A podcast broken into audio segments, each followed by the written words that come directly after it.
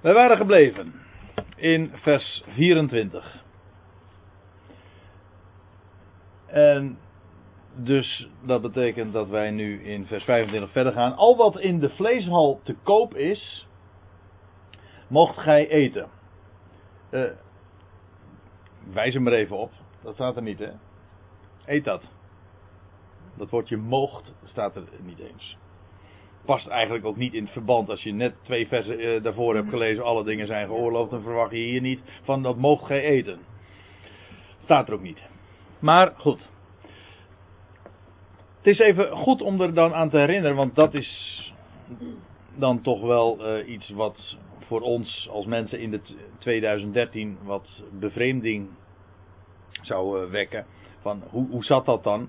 Nou, we hebben er eigenlijk al uh, verschillende keren bij stilgestaan, ook al in hoofdstuk 8, toen het ging, ook ging over het eten van offervlees. Het idee is dat vlees in die dagen per definitie dat in de vleeshal lag, dat was gekoppeld aan een afgodstempel. Dus dat vlees was, had altijd een ritueel, een godsdienstig, religieus ritueel per definitie ondergaan. Dus de vleeshal was zeg maar een onderdeel van die afgodstempel. Dus wilde je vlees eten, dan moest je in zo'n afgodstempel wezen. Daar kwam het op neer. Het was een soort van zaal of een gelegenheid die daar helemaal bij hoorde.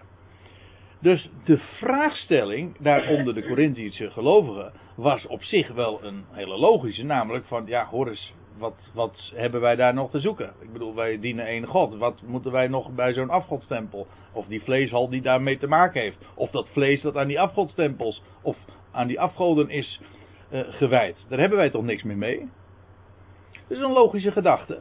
En, dat, en daarin illustreert ook weer zich uh, heel mooi dat principe waar we het over hadden in, van vers 23. Alles is geoorloofd, niet alles is nuttig. Mag je dat nou eten? Ja, dat is niet aan de orde. Is nuttig? Nou, dat hangt er nou weer van af. Want dan moet je weer nuances gaan aanbrengen. Want voor de een wel, voor de ander niet. Dat heb je dus, hè, met, waar we het in de pauze ook even over hadden. Dat als je op het moment dat je dat criterium van, van nut aanlegt of stelt. Ja, dan word je geacht dus te denken. Maar dan is het nu eenmaal zo dat situaties voor de een verschillend zijn dan voor een ander. En dat is hier ook het geval.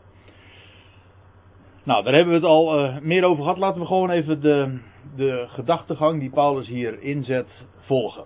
Al wat in de vleeshal te koop is, uh, eet dat.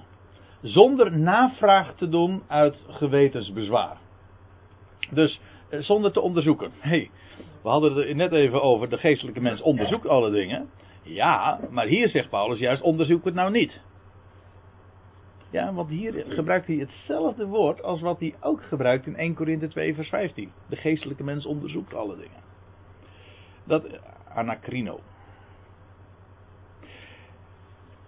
En dan zie je dus, ja, wat onderzoek je? Bepaalde dingen moet je niet eens willen weten. Soms word je er ongevraagd op getrakteerd. Maar dat zie je trouwens in deze context ook. Maar het gaat er dus e- even om. Dat, dan kom je daar in zo'n vleeshal. En zou je daar navraag naar doen? Hoe en in welke mate is dat uh, ritueel gewijd? Nee, eet eet dat gewoon. Uh, zonder navraag te doen uit gewetensbezwaar. En de motivatie is geweldig, die Paulus geeft hier. En dat, en dat is nou weer typische logica. En ook een heel nuttige, de meest nuttige overweging die je maar kan stellen. En dat is. Hij citeert Psalm 24. Want de aarde en haar volheid is des Heren. Met andere woorden, je hoeft helemaal niet de vraag te stellen: is dat nou van de Heer of is dat nou niet van de Heer? Je hebt van die mensen die uh, trouwens uh, zo spastisch, als ik het zo mag zeggen, door de wereld lopen. En ze uh, zich altijd maar, bij elke stap die ze zetten, van is dat nou van de Heer of is dat niet van de Heer? Nou, dat is ook dus onzin. Want alles is zijn domein. Ik zeg het expres even zo, want ik had destijds, nee, ik heb het boek nog steeds in de kast staan. Dat heet Het domein van de slang. Van oude ja.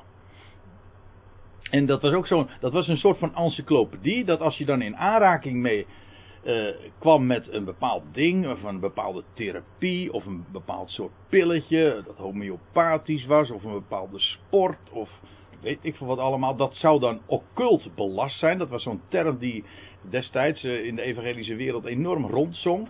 Hè, want daar moest je, dat moest je wel onderzoeken, want ja, je, je zal er maar occult belast worden door eh, iets. Want dan moest je dus eigenlijk navraag doen. En dan, en dan was de, die dikke Bijbel van uh, het domein van de slang. Want ja, eigenlijk we lopen hier gewoon in het domein van de slang. Is dat helemaal onwaar? Nee, je kunt zeggen, de wereld ligt toch in de boze. Dat is ook de schrift, dat is waar. Maar wij rekenen daar niet mee. En dat is juist wat een gelovige een gelovige maakt. Wij weten, kijk, alles is des Heren. Alles is van Hem, iedereen is van Hem. Ja, er staat niet alleen de aarde, maar ook nog eens haar volheid. Dat wil zeggen alles wat erin zit. Ook de slang. Ja, dus ook de slang. dus uh, wel, hoe reken je? Hoe hoog? Met welke criteria? Wat, wat leg je aan als maatstaf? Nou, dat is heel simpel. Wij zijn zijn domein. En alles is zijn domein. En alles is dus van hem. Dat is gewoon het uitgangspunt. Dus de hele vraag van is dat van de Heer? Kijk, en dat is nou, uh, dat is dus ook zo de ruimte waarin we geplaatst zijn. Alles is van hem en bovendien iedereen is ook nog eens van hem. Ja. Ik zie hier een, u ziet hier een citaat uit, of in ieder geval een verwijzing naar Matthäus 13, vers 44. Dat gaat over die, die man die een schat vond in de akker. En wat deed hij?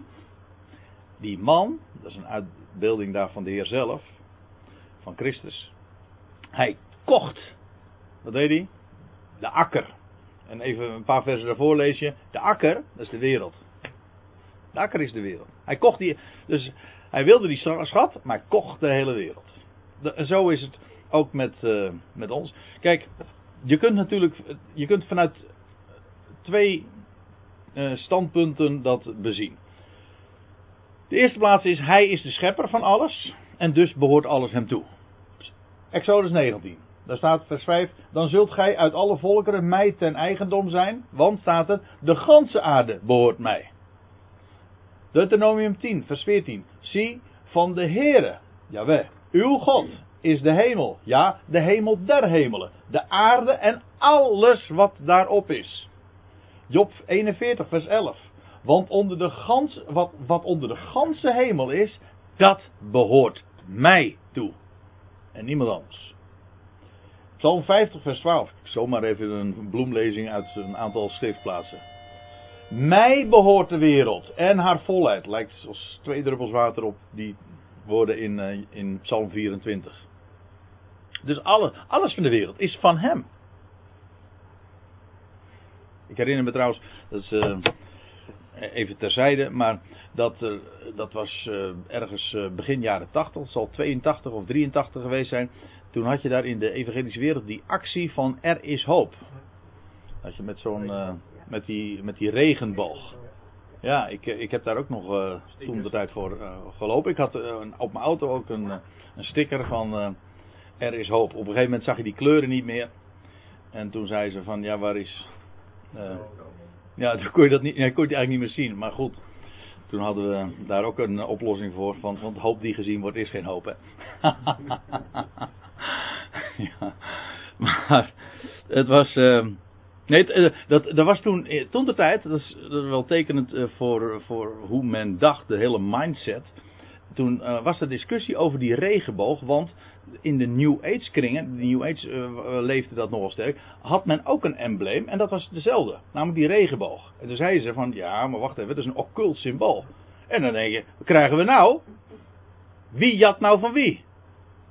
Het is van hem. Het is zijn symbool. Hij heeft het als teken gegeven. Trouwens, dat geldt voor alles in de schepping. Hij is de schepper, dus alles is van hem. Hij heeft het bedacht en hij heeft het gemaakt.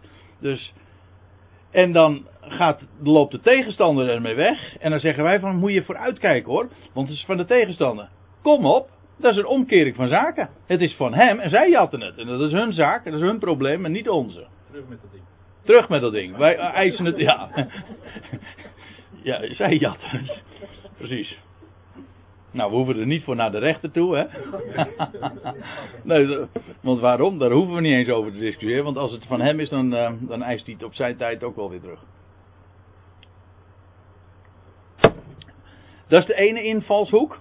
Dat is, hem behoort alles toe als schepper. Maar bovendien, alles behoort hem ook toe, omdat hij de prijs heeft betaald. Hij betaalde de prijs voor allen. Ja, dat is toch, wat mij betreft, dat is het evangelie hoor. Want als Paulus zegt in 1 Timotheus 2 van er is één God, er is één middelaar voor God en mensen. De mens Christus Jezus, die zich gegeven heeft tot een losprijs voor allen. En, die, en daarvan wordt getuigen, getuigd de juiste tijd. En ik ben daartoe gesteld als een apostel en leermeester van de natie. En ik spreek waarheid en geen leugen. Dat is de missie van Paulus en dat is de verkondiging. De prijs is voor alle mensen betaald. Dat is het evangelie. Voor sommige mensen is dat ongeveer het hoogste ideaal. Dat ze komen bij zondag 1. Uh, eh, van wat is uw enige troost in leven en in sterven? Dat ik, eh, dat, ik het eigen, dat ik mij het eigendom weet van hem. Of dat ik het eigendom ben van hem. En dat is het ultieme ideaal, zeg maar, van, van menig Calvinist. Als je eenmaal op je sterfbed dat mag zeggen. Maar dat zou geen eindpunt zijn, dat is het beginpunt. Want dat is namelijk de evangelie. Je, niet uh, ben je van hem, de boodschap is, je bent van hem. Niet een vraag, het is een uitroepteken. Hij gaf zichzelf namelijk. Je bent van hem, je bent zijn eigendom. Ze weten het nog niet. Nee, maar als het niet verteld wordt, nou, hoe zouden ze het ooit kunnen weten? Daarom, daarom moet je het ook vertellen. Ik bedoel, hij is hun redder, alleen ze weten het nog niet. Het evangelie is, is alleen maar, het is een mededeling. Het is een mededeling, dat zijn de feiten. Zo is het. Alsjeblieft. Als je het gelooft, hè. Ja. Nou ja, dat zijn de dingen. De, waar, het, uh, waar, het allemaal op gebaseerd is. Nou, uh, ik, ik ga even verder. Indien een van de ongelovigen, die dat dus nog niet gelooft. Ik bedoel, hij is ook, die ongelovige is ook van de Heer. Ik bedoel, die loopt ook op de aarde rond. Dus ook, maakt ook deel uit van die volheid van de aarde. Maar goed, niet iedereen weet dat. Of wil dat weten. En dan is het een ongelovige. Oh, eet niet met de ongelovige. Huh? Oh, dat, nou, dat zegt Paulus niet. Eet niet met de ongelovigen. Nee, dan zou hij ook nog kunnen zeggen. Nee, maar goh, dat mag eigenlijk helemaal niet. Eten met een ongelovige. Nee, waarom niet? Hij is ook van de Heer. En het is een mooie gelegenheid om het om te, te vertellen. Waarbij een ongelovige. Uh, die, zijn, dat, ja, die vallen ook uiteen in twee categorieën. Een onge, je hebt onwetende. En je hebt ongelovigen. Een on, dat is een groot verschil. Kijk, is, normaal gesproken, als, ik iemand iets uh, als iemand iets niet weet, kun je dan zeggen het is een ongelovige? Je kan in ieder geval. Nee, een ongelovige is iemand die je iets vertelt en die zegt: nee, dat, dat geloof ik niet. Of dat wil ik niet aan. Die dat niet wil. Hè? Die gelooft niet wat jij denkt. Nee, en die wil het niet geloven. Maar voor die tijd, dat je, voordat jij het verteld hebt, uh, is hij, slecht, hij of zij slechts onwetend. En ik denk vele mensen in de wereld, sterker nog, het grootste gedeelte, is domweg onwetend. Er is ook een categorie die echt ongelovig is. En nou ga ik iets heel uh, brutaals zeggen. Die zitten vooral in de kerk. Ja, zeg waar. Die willen het niet weten. Als je daar het evangelie... Kijk, een heleboel mensen die kennen het dan helemaal het evangelie niet. Als je vertelt van... Hij is jouw Heer en jouw redder. Hebben ze nooit van gehoord. Er is een categorie die dat absoluut niet wil horen. En dat ook in hun beleidenis heeft vastgesteld. Het is niet waar. En dat zijn dus de echte ongelovigen. Ja, het is misschien scherp, maar het is wel zo. Goed. Nou, als een van de ongelovigen u uitnodigt. Want je kan ongelovig uh, ook iets minder zwaar inzetten. Een ongelovige kan iemand zijn die iemand die het niet wil geloven. Een ongelovige kan ook iemand zijn, iemand die nog geen geloof heeft. En dan kan het ook een onwetende betreffen. Ik denk dat dat hier de, de gedachte is. We zullen in hoofdstuk 14 trouwens over dat onderscheid nog eens uh, nog wat nader ingaan. Want daar heeft Paulus het ook daadwerkelijk in één vers over. Indien een onwetende of ongelovige uh, binnenkomt. Dan maakt hij echt dat onderscheid. Dus soms uh, doet het onderscheid de zaken en soms ook niet. Indien een van de ongelovigen u uitnodigt en gij wenst te gaan, dus niet de vraag mag ik van de Heer, hè? Want ja, nou moet ik weer een stap zetten en is dat wel van de Heer? Nee, wij danken Hem op voorhand en, en als wij dat willen, of als wij dat nuttig achten om eventjes uh, in uh, de sfeer te blijven, in de lijn te blijven, dan gaan we gewoon. En gij wenst te gaan, eet dan alles wat u wordt voorgezet. Zonder dat gij navraag doet uit gewetensbezwaar. Ja, dat is, dat is logica. Ook die volgt uit het feit dat alles van hem is. Zijn domein. Wij doen geen navraag en soms wil je ook inderdaad bepaalde dingen niet eens weten. Het kan zijn dat je er ongevraagd op getrakteerd wordt. Dat zie je in vers 28, want daar staat er: Doch indien iemand tot u zegt, diegene die jou uitnodigt, of mensen die daarbij in dat gezelschap zich bevinden, indien iemand tot u zegt dat is gewijd vlees of dat is offervlees, daar had jij helemaal niet om gevraagd, maar dat wordt, jij, dat wordt jou verteld. Nou, dan staat er: eet het dan niet om hem die u dat te kennen gaf en om het geweten. Dat wil zeggen, dan word je, dan word je echt voor een keuze geplaatst, want op het moment dat je het dan eet, dan wordt dat geassocieerd met. Dan, dan, dan eet jij niet zomaar meer vlees, nee, dan eet jij in de beleving van, hen alle, van die allen offervlees. En dan associeer je jezelf met demonen. Nou, zegt Paulus, eh, doe dat dan niet. Eh, om, om hem en om het geweten. dan moet hij zich even goed nog uh, nader preciseren. Want dan zegt hij in vers 29. Ik bedoel nu niet uw eigen geweten. Letterlijk zegt hij niet trouwens ik bedoel, maar ik zeg niet, ik zeg niet uw eigen geweten. Dit, dit suggereert namelijk deze formulering van alsof Paulus niet duidelijk is. Of dat hij eh, iets anders bedoelde dan dat hij zei. Nee, hij, zegt, hij legt het alleen nog even nader uit. Hij zegt, ik zeg nu niet uw eigen geweten, want jij met jouw wetenschap weet je dat het geen enkel punt is. Geweten is, heeft te maken inderdaad met dat wat je weet. In het Griekse heeft het uh, de betekenis van samen weten. Zin en dan dat andere woord heeft te maken, deel van het woord heeft te maken met weten. We weten dat gezamenlijk. In het Engels zie je dat trouwens ook nog conscience. Con betekent mede, co. En uh, scientie is science, dat is weten, wetenschap. Dus je weet. We, het geweten is dat wat we gezamenlijk ook gewoon weten. Nou, wij weten als gelovigen, er is maar één God en alles is zijn domein. Maar niet iedereen weet dat. Dus dat heb je ook, daar heb je rekening mee te houden. Dat is gewoon een gegeven. Nou, Paulus zegt, ik zeg nu niet uw eigen geweten, maar dat van die ander. Want waartoe zou mijn vrijheid beoordeeld worden door eens anders geweten? De MBV heeft hier, die vond ik wel aardig. Want uh, de manier waarop dit weergegeven wordt, dat is een hersenkraker hoor. Als je even goed naar zo'n zin kijkt. Maar de MBV zegt, mijn vrijheid wordt toch door... Uh, mijn vrijheid wordt door zijn geweten toch niet aangetast. Kijk. Uh, want waartoe zou mijn vrijheid onderworpen zijn aan een anders geweten? Dat wil zeggen, mijn vrijheid staat toch niet onder het oordeel van een ander? Nee. Of uh, onder het oordeel van het geweten van een ander. Iemand die zelf minder weet, een ongelovig geweten heeft.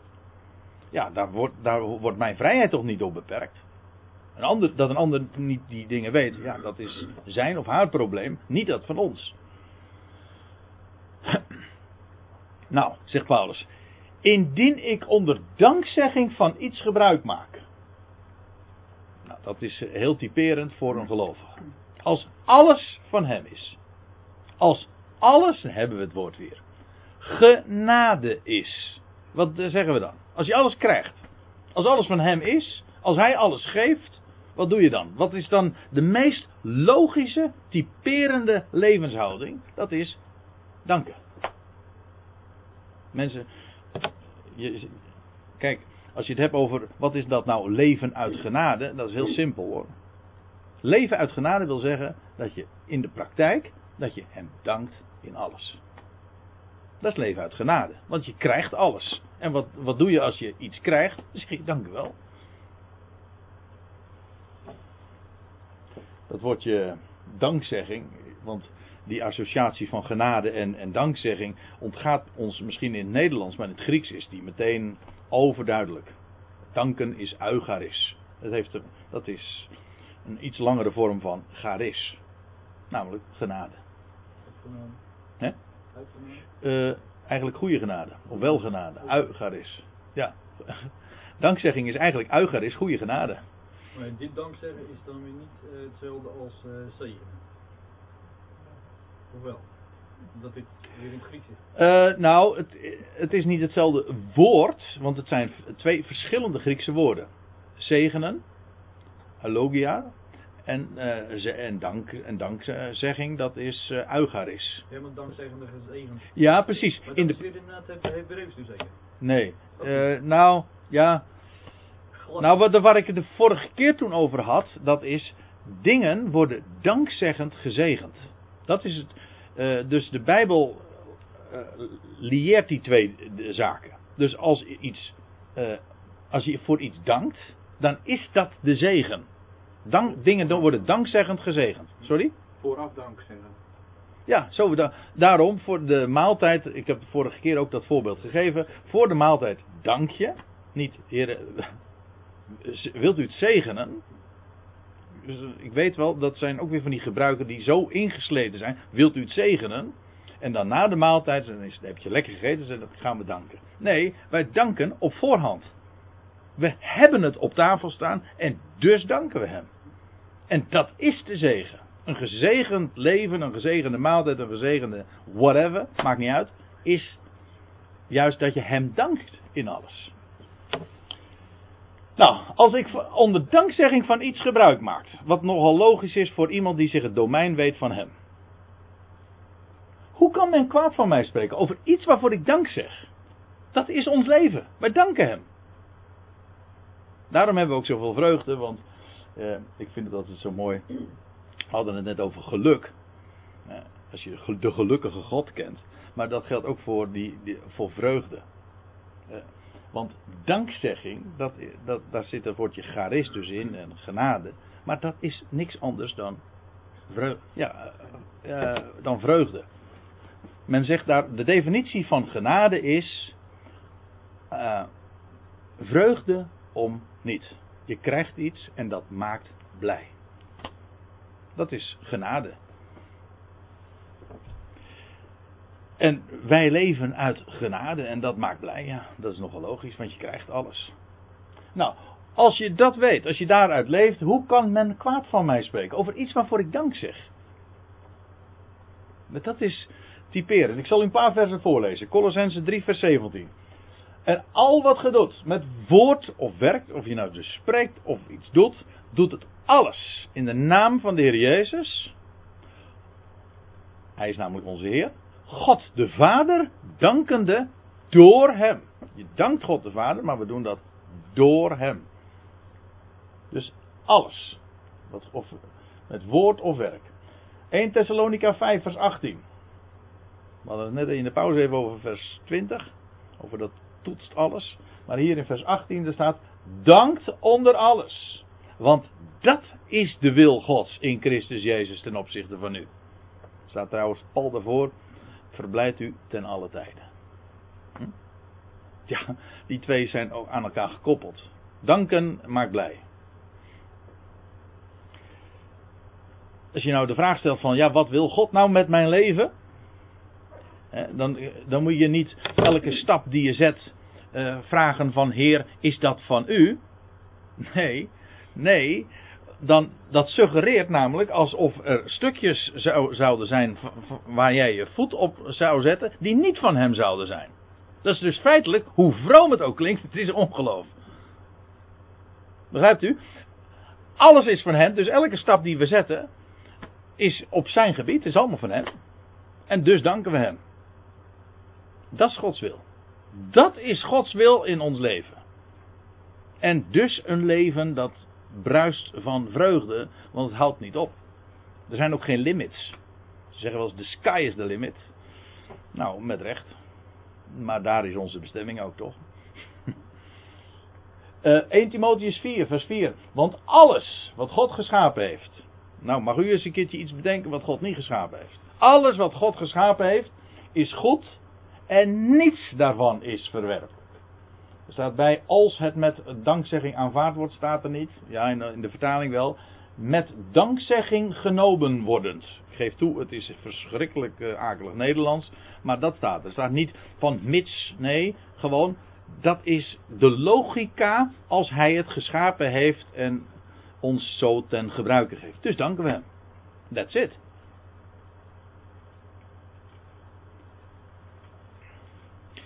Of gij dus eet of drinkt of wat ook doet, daar zijn dus al onze activiteiten bij, uh, in, bij inbegrepen, inclusief, it's all in. Zo, zo denkt God, hè? All in. in all inclusive. Ja, ja, ik moet even lachen, want daar hadden we het over, over zo'n over, over type vakanties. Toen ging het er even over welk, wat, van wat voor soort vakanties hou jij het liefst. En, nou, het liefst van een all-inclusive. Ik hou wel wat exclusief. ja, maar dat is exclusief hoor. ja. All inclusive. Maar onze evangelie is ook zo verschrikkelijk all inclusive. Ja. Nou, of je dus eet of drinkt of wat dan ook doet, doet het alles ter ere Gods. En hoe eer je hem? Ja, door hem te danken. Dan erken je hem namelijk als de schepper. Ik heb er daar een hele mooi voorbeeld van in Romeinen 1, vers 21. Daar schrijft Paulus dit. Immers, hoewel zij God kenden, dan gaat het hier over dus de, de heidenwereld.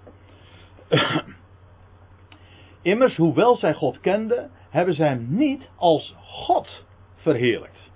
Theos, de plaatser, die alles beschikt en alles een plaats geeft. Ze hebben wel een God, ze zijn wel godsdienstig, maar ze hebben hem niet als, als God. De, hier heb je het weer. De God. Verheerlijkt. Of gedankt. Want dat is namelijk hetzelfde. Als je hem vereerlijkt, dat doe je namelijk door hem te danken. Je geeft, als hij het is die alles bedacht, alles geschapen heeft en ook alles beschikt en alles een plek geeft, goed en kwaad, dus er nooit iets misgaat, kun je hem dus, als, dan geef je hem de eer door hem te danken in alles. Daarmee verheerlijk je God. Waarom? Je stelt daarmee in het licht, want dat is wat verheerlijken betekent. Je stelt daarmee in het licht dat hij de theos is, de plaatser. Er gebeurt niks voor niks. En als je hem als God verheerlijkt of dankt. Nou, hier staat een negatief, omdat ze het niet als God verheerlijkt hebben of gedankt. Uh, zijn hun overleggingen, staat hun, hun, hun dialogen, hun reden, doorredeneringen op niets uitgelopen. Het is duister geworden in een onverstandig hart. Nou, nou gaan we het even positief zeggen. Als je God dus als God verheerlijkt en dankt, wat gebeurt er dan? Dan worden je redeneringen, voor zover ze dan nog überhaupt nodig zijn trouwens. Want de schrift bevestigt namelijk, hoef je niet zoveel meer te redeneren. Maar dan zullen je redeneringen niet op niets uitlopen, maar ze zullen ze doel uh, raken. Niet doel missen, maar gewoon effectief zijn. Dan wordt je denken werkelijk effectief. Als je God als God verheerlijkt, dan wordt je brein gewoon uh, optimaal gebruikt. Dat is voorwaarde nummer 1. Als je, het is, de Bijbel, daarom zegt uh, de, het boek Spreuken ook niet voor niks. Het is het beginsel van verstand en van wijsheid. Om Hem de eer te geven. Om Hem te vrezen, dat wil zeggen om ontzag voor de God te hebben. Als je werkelijk je brein wil gebruiken, over gebruiksaanwijzing gesproken. Het gebruiksaanwijzing voor ons brein, dat is geef, vereer God als God. Ik bedoel dat God er is, weten we allemaal. Dat weet elk mens. Elk mens weet dat God er is. Ja, als er een schepsel is, dan is er ook een schepper. Dat is nogal wie dus. Nou, als je hem als God verheerlijkt, dan wordt je denken effectief. En bovendien, het gaat licht worden in je verstandig hart. Dat is de positieve. Dat is, daarmee zeg ik exact hetzelfde als hier, alleen dan in de positieve zin. Dan zeg je, it's up to you. Wat wil je? Geef hem, verheerlijk hem als God. Dat wil zeggen, dank hem in alles. Hier ziet u het. Dat is gewoon hetzelfde. Hem danken is hem verheerlijken. Ik dacht trouwens aan nog één vers en nou, die lees ik dan even voor. Daar lees, dat gaat in Romeinen 4 over Abraham. En daar staat er uh, in vers 20 van dat hoofdstuk. Maar aan de belofte Gods heeft hij niet getwijfeld door ongeloof. Maar staat er, hij werd versterkt in zijn geloof. En gaf Gode eer in de volle zekerheid dat hij bij machten was hetgeen hij beloofd had ook te volbrengen. Hoe verheerlijk je God? Door gewoon te staan op zijn belofte. Dan geef je hem de eer, namelijk de eer van zijn woord. Want hij houdt zich aan zijn woord hoor. Sta, Abraham was zo'n man. God had gezegd, zo zal jouw nageslacht zijn. De wetenschap zei, of zijn dokter had ongetwijfeld gezegd: Nee, meneer Abraham, dat zit er niet meer in. Of uh, mevrouw Sarah uh, is daar toen niet meer in staat. Het gaat strijd met al onze gegevens en data. En plaats het nu even in 2013. Hè. Dat IVF. Ja, ja, precies. Ja. We hebben nog wel een paar uh, technieken daarvoor. Dat had Sarah trouwens ook, en dat was toen de tijd Hagar. Ik bedoel, maar dat zijn allemaal van zulke redeneringen. Maar hij stond op Gods belofte. En gaf daarmee Gode de eer. En het was, dat is Gods probleem. Het was Gods probleem, als ik het zo mag zeggen, hoe hij dat zou realiseren. Maar het was precies zoals Abraham ook zei: zou voor de Heer iets te wonderlijk zijn? Kijk, dan vereer je God als God. Hoezo onmogelijk? Het is toch belachelijk als je het hebt over God. Vers 32. Geef nog aan Joden, nog aan Grieken, nog aan de Ecclesia Gods aanstoot. Nou, dit is een soort van samenvatting van uh, een paar hoofdstukken, want dit begon al in hoofdstuk 8, 9 en 10, borduurde er allemaal op voort. Paulus was alles erom begonnen om mensen te winnen. Voor hem. Dat wil zeggen, te spreken dat ze zouden gaan beseffen wie ze zijn en dat ze gekocht zijn. Nou, geef nog aan Joden, nog aan Grieken, nog aan de Ecclesia van God aanstoot. U ziet, dat woord aanstoot staat er niet. Het staat struikelblok. Wees geen struikelblok voor Joden, Grieken of voor de Ecclesia Gods. Dat is een heel verschil. Een aanstoot als je ergens aanstoot aanneemt, dan, wil dat, dan bedoelen we daarmee in, in het Nederlands dat je, uh, dat je iets irriteert of zo. Je stoot je eraan. Is ergernis, ja. Maar dat is niet wat hier staat. En, want dan zeggen ze ook van ja, dat, je, moet, eh, je moet niet uh, tot een aanstoot zijn voor een ander. Maar laat ik u dit zeggen: het evangelie is altijd een aanstoot. Ja, als je, eh, vertel, het, maar gewoon wat het evangelie is. En er zijn altijd mensen die zich daaraan stoten. Ja. Maar dat is niet waar Paulus het hier over heeft. Hij heeft het niet over een aanstoot. Hij heeft het over een struikelblok. Wees geen struikelblok, juist voor dat evangelie. Of begrijpen we wat ik nu bedoel te zeggen? Nee? Nou, ik bedoel daarmee te zeggen, laat je leven zo zijn Kijk, hier de directe achtergrond was over dat eten van offervlees. Dan zegt Paulus, nog voor Joden, nog voor Grieken, nog voor de Ecclesia Gods. Elk mens heeft daar weer zijn eigen achtergrond. Maar zorg er nou voor dat je geen struikelblok vormt. Dat die ander daardoor uh, niet tot Christus zou komen. Of daardoor opgebouwd wordt. Ik bedoel, het ging, ons leven gaat toch om de vraag: is nuttig? Bouwt het op? Komt het bij hem? Geeft het hem de eer? Nou, als, als het daartoe hindert, nou, daarvan zegt, dan zegt Paulus, dat is, dan wordt het een struikelblok. Maar dat, gaat, dat heeft niks te maken met ergernis of irritatie. Helemaal niets. Dat is ook weer zo'n zo'n woord dat heel dikwijls zomaar uit de Bijbel lukraak wordt geciteerd, maar ten onrechte, want het staat daar niet. Het is een struikelblok. En zegt hij dan ter toelichting in vers 33, dat is het laatste vers geloof ik. Zoals ook ik allen in alles ter wille ben, niet om mijn eigen belang te zoeken. Je hoort hier nog weer de echo van hoofdstuk 9. Dat hij zegt van, ik, ik doe alles. Om, mensen te winnen. Daar ging het allemaal om. Of het nou zwakken zijn, of Joden, of Grieken. En als het, als het ging om mensen die onder de wet staan, dan ging Paulus, leefde hij als onder de wet. Niet, niet omdat hij zelf onder de wet was, maar gewoon om hen te winnen.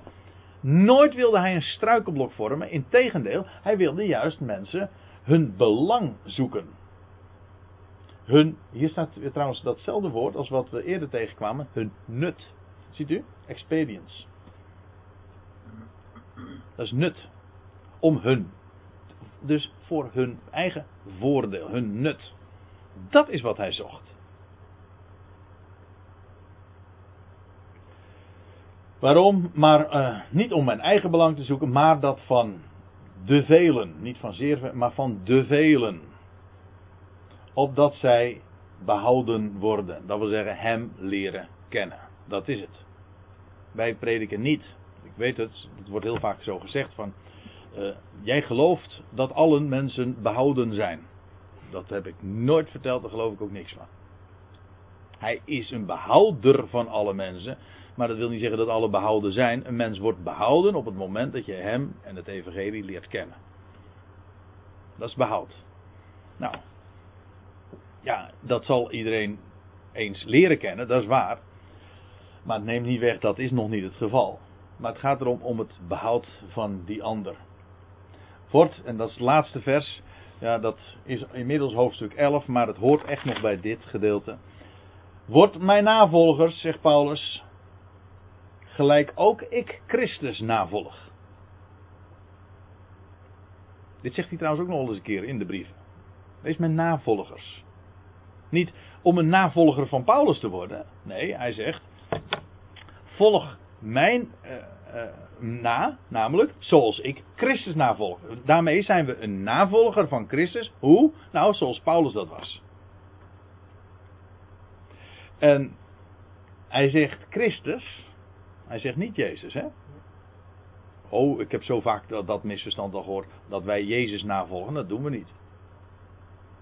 De Jezus hier op aarde, die alleen maar gezonden was tot het huis Israëls en geboren onder de wet, die volgen wij niet.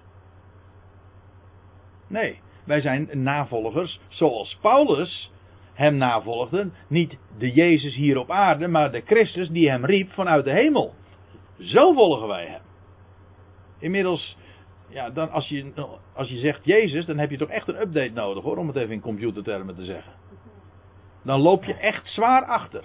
Op een hele oude versie loop je dan. Verouderde versie. Want hij is namelijk niet meer inmiddels. Hij is geen Jezus, hij is inmiddels de Christus geworden. De opgestane, de verheerlijkte.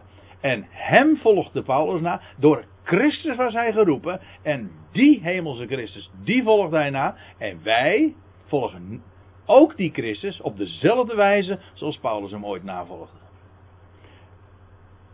Sorry? Oh. Ja, precies. En uh, ik zal u nog een paar, dat zijn de laatste schriftplaatsen die ik dan noem. De laatste dia die ik hier heb. Paulus zegt, ik vermaan u dus. Staat er niet. Roep u op. Ik roep u op. Ik moedig u aan. Volgt mijn voorbeeld. Oh, de vertalingen zijn zo vaak doordezemd. Dat is een mooi woord in dit verband. Doorzuurd van allerlei wettisch denken nog. Er staat, ik moedig u aan. Volg mijn voorbeeld. Filippenzen 3 vers 17. Wees alle mijn navolgers, broeders, en ziet op hen die even zo wandelen. Gelijk gij ons tot voorbeeld hebt. 1 Thessalonica 1 vers 6.